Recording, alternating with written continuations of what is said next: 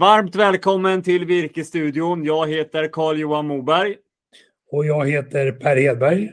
Precis, och du är inte på kontoret idag fast det ser ut så. Jag har tagit mig till Tranås. Det är dags för, vad är det, första torsdagen i mars imorgon då. Och då ska man se till att äta och vara i Småland då och äta marsipantårta är det vad som gäller. Min eh, dialektimitation duger inte utan man vill ju höra det på riktigt. Ja, precis. Vi låter det vara där. Hörrni, Virkesstudion görs ju precis som vanligt i samarbete med tidningen ATL och Ludvig och Company. I dagens program så har vi tänkt att prata dels aktuellt läge på virkesmarknaden. Vi kommer att kommentera lite av resultaten från en del av skogsbolagen. Men vi kommer även ta in en gäst som heter Lisa Kynefelt från Ludvig och prata mer om de frågorna som hon som miljöjurist jobbar med på Ludvig. Men kort om det. Per, kan du kommentera någonting då? Vad händer just nu då på, på marknaden? Men jag tycker vi, vi har fortsatt se den här trenden av stigande framförallt massavedspriser. Jag tror att sågtimmerpriserna har liksom kulminerat och rör sig ganska sidledes just nu och det beror på att byggkonjunkturen viker i spåret av stigande inflation och stigande räntor. Och det gör nu att förbrukningen och efterfrågan av sågade trävaror går ner. Samtidigt så liksom stöttas ju de svenska sågverken av en svag valuta och ändå förhållandevis billig el jämfört med tyska och österrikiska sågverk. Så att en konkurrensfördel och inget, inget dramatiskt fall i efterfrågan av sågtimmer från skogsägarna. Utan ganska stabila priser medan massaveden fortsätter ticka uppåt. Mm. Och det är precis som du, du säger här att, eh, att eh, många av de här byggprojekten nu, en del har ju självklart då slutförts av de som besluten redan tagna på, men att ta beslut nu och gå in något nytt, där är det så att det är en viss fördröjning hela, vågar man göra saker och ting. Och det här gör ju att det kan ju då bli ett överskott på sågad vara kanske i Sverige, men utomlands som sagt så exporten är ju viktig. Det pågår, även om man kanske bygger mindre även i Europa så, så byggs det och de har behov av sågad, sågade varor från Sverige då med en valutaeffekt men även då att det inte finns kanske det, det utbudet lokalt som man har varit van med tidigare. Nej, men så är det. Jag tror nog att Kina öppnar upp och efterfrågan i Kina kommer nu öka ganska kraftigt under en period. Den kommer liksom öka strukturellt i takt med att ekonomin växer i Kina också. Och sen tyckte jag det var intressant, Setra pratade ju på vår digitala skogsägarkväll om att avverkningsvolymerna utav rundvirke i Tyskland, de förväntas ju gå ner någonstans 30-40 procent de kommande åren. Så det kommer behövas mycket virke, inte bara i Sverige utan också utanför Sverige. Så att jag slår ett slag för exporten där det är både bra priser och god efterfrågan.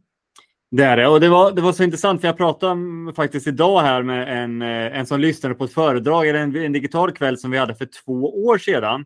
När vi pratade om skogshistoria i, i våra hembygder, Kinda Ydre.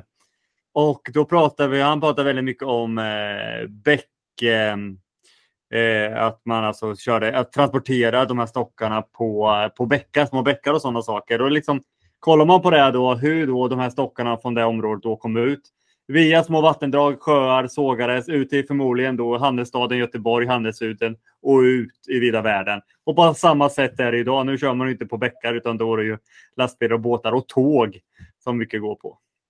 Du, på tal om Kinda och Ydre som ligger oss varmt om hjärtat. Södra ska nu göra någon form av förstudie kring att bygga ut sågverket. Kan du berätta mer om det?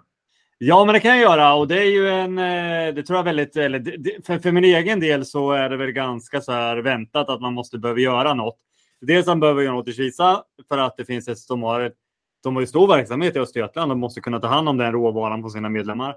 Eh, och sen så finns det väl självklart ett investeringsbehov. Jag menar, den här sågen, om jag minns rätt, så invigdes den kanske slutet 60-talet. Så att grund, det är klart att allt är inte kvar från dess, men grunden är ju därifrån. Och det är ju intressant om man kanske kan biffa upp den. Kanske, jag vet inte om det pratas om att det är dubbla, dubbla volymen på det hela, men det är ju bra för eh, då min hem, hembygd då att man får en, stark, en starkare arbetsgivare där och det inför ju andra möjligheter kring infrastruktursatsningar med vägar, kanske järnväg att transportera virket på. För det man ser när man går in i sådana här projekt, oavsett vart man bygger ett sågverk eller en massabruk i skogsindustri, så är logistiken så pass viktig. Det ser vi ju inte minst då på de väldigt många exportaffärer som görs på, på virkesbörsen där det egentligen handlar om att få virket på tåg eller på gärna leverera till hamnen då så att båtarna kan direkt, utländska köpare kan köpa det direkt där då och sen dra iväg det.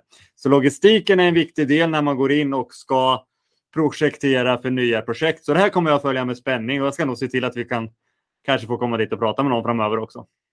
Du, en lite retorisk fråga då. Har Södra råd att bygga ut sitt sågverk? Ja, det tror jag alla gånger om de har. Om vi kollar på det här resultatet då som, de, som, som kom här för då ungefär en vecka sedan. Eh, så var det, det var ju fantastiskt. Något annat kan man ju inte säga. Och ändå då att man ska dela ut, det var väl strax över 3 miljarder man ska dela ut och efterlikviden landar väl historiskt väldigt högt på 12 procent ungefär. Eh, så finns det ju pengar kvar i kassakistan och den, kapitalet måste ju jobba.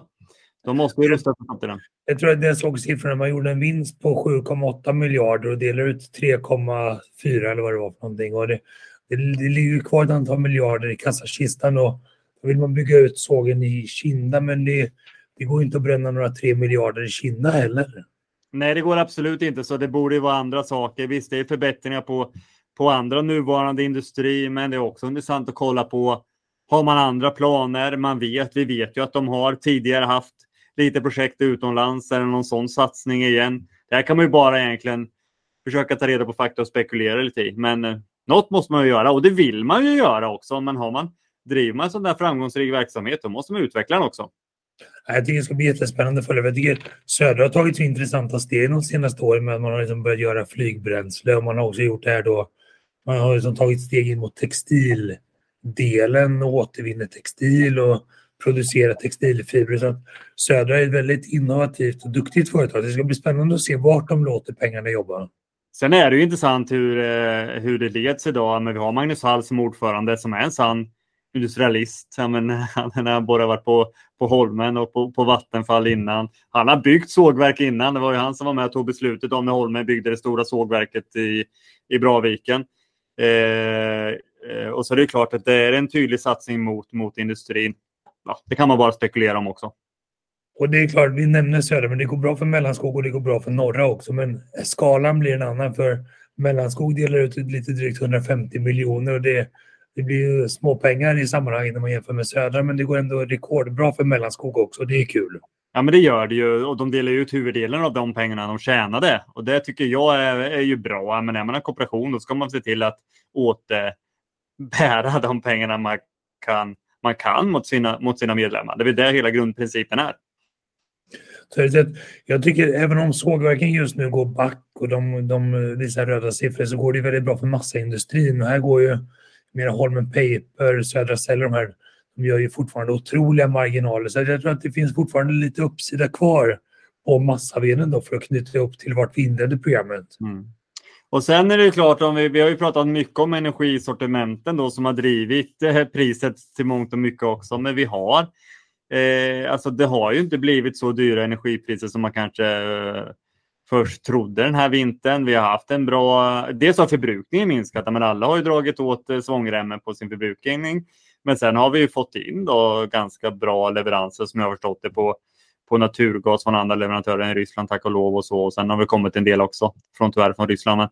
Så att, eh, men jag tror ju ändå på att det, det, finns ju möjligheter att göra bra affärer på sin, sin bioenergi.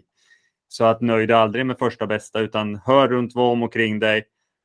Och eh, är det så att du avverkar nu så tror jag att du har ytterligare möjligheter nu att låta det här torka en säsong på, på, på hygget där och kunna sälja fram i höst när det blir kallt igen. Det är bra tips.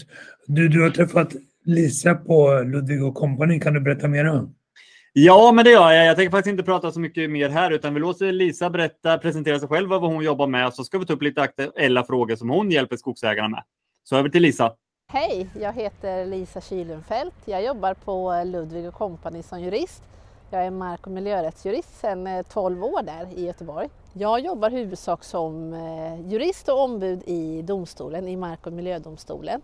Så att eh, jag och mina kollegor vi driver mål kring fastighetsrätt och miljörätt och ja, mycket frågor relaterade till det. Strandskydd och bygglov och lantmäteriärenden och Länsstyrelsen och biotopskydd och naturreservat och sådana bitar.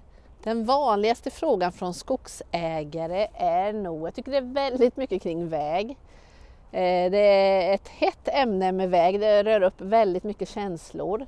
Det gäller, eh, har man rätt att stänga av väg? Har man rätt till ersättning om någon ska åka eh, på väg exempelvis så sån här slitageersättning. Mycket kring artskydd är det. Eh, artskydd som eh, eventuellt hindrar en väg. Eh, och i övrigt, ja men det gäller generellt så att säga intrång på, i skogen. Om någon vill eh, i anspråk ta skog eh, genom naturreservat eller väg och så vidare då. De problem som uppstår då. Det är jättemycket kring det. Det blir inte så mycket frågor om avverkningsanmälningar för det är sällan det hamnar i domstol utan det är mer domstolsfrågor. Ja, om jag ska ge några tips till eh, skogsägarna så är det nog att det gäller att vara ganska om sig och kring sig eh, i de här frågorna. Det är väldigt mycket eh, rättsfall som meddelas just på området. Och man kan alltid slå en signal och prata med någon mark och miljörättsjurist och få reda på vilka rättigheter har man. Även tycker jag att det har kommit lite rättsfall nu kring artskyddet de senaste månaderna som lite luckrar upp i alla fall. Det behöver inte vara totalkört eh, om man stöter på eh, artskyddade arter. Så det kan vara värt att hålla sig lite uppdaterad på de eh, senaste rättsfallen och bara allmänt hänga med och uppdatera sig. Det som är roligt att jobba med eh, mark och skogsägare det är att det är ständigt varierande frågor. Det händer jättemycket inom äganderätten i domstolarna. Och det är väldigt kul att få känna att man eh, hjälper till. Det kan vara enskilda samtal där vi tipsar om vägen framåt och det kan vara att man följer eh, skogsägare i flera år eh, så att de till slut får framgång med sin tvist. Det tycker jag är jätteroligt. Tack så mycket Lisa! Alltid roligt och intressant att ha samtal med dig angående frågor som rör skogsägarna. Jag slå ett slag för om man är nyfiken på observationer kring rödlistade arter, nyckelbiotoper, invasiva arter, då kan man gå in och generera sin skogsbruksplan på virkesbohusen.se. och så kan man klicka fram då vart man har de här observationerna, vart man har fornlämningar eller var man har nyckelbiotoper och så vidare. Så det var bara ett litet inspel. Sorry Carl-Johan. Ja, men det, det var lite det jag ville komma in på. Ha det då. Gå in och kolla på den digitala planen. Sitt och lek runt där. Testa på fastigheten som ni har. Hur tycker ni det stämmer med, med kanske en pappersplan ni har?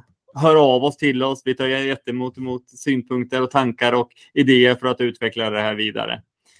Sen kan man också ha i åtanke att vi har nu byggt en funktion så att har man redan gjort en bra plan, man kanske har avdelningsindelning som man känner sig hemma och bekväm i, då kan man ladda upp sin gamla plan och sina gamla avdelningar och ajourhålla planen digitalt. Det kan vara ett bra sätt att alltid ha sin skogsbruksplan i fickan i telefonen istället för att ha den stående i en pärm så kan man så att säga ha den digitalt med sig och jobba med den, göra markeringar, skriva kommentarer och så vidare. Ja, men exakt. Och så är det. Skogsutplanen ska vara ett levande dokument.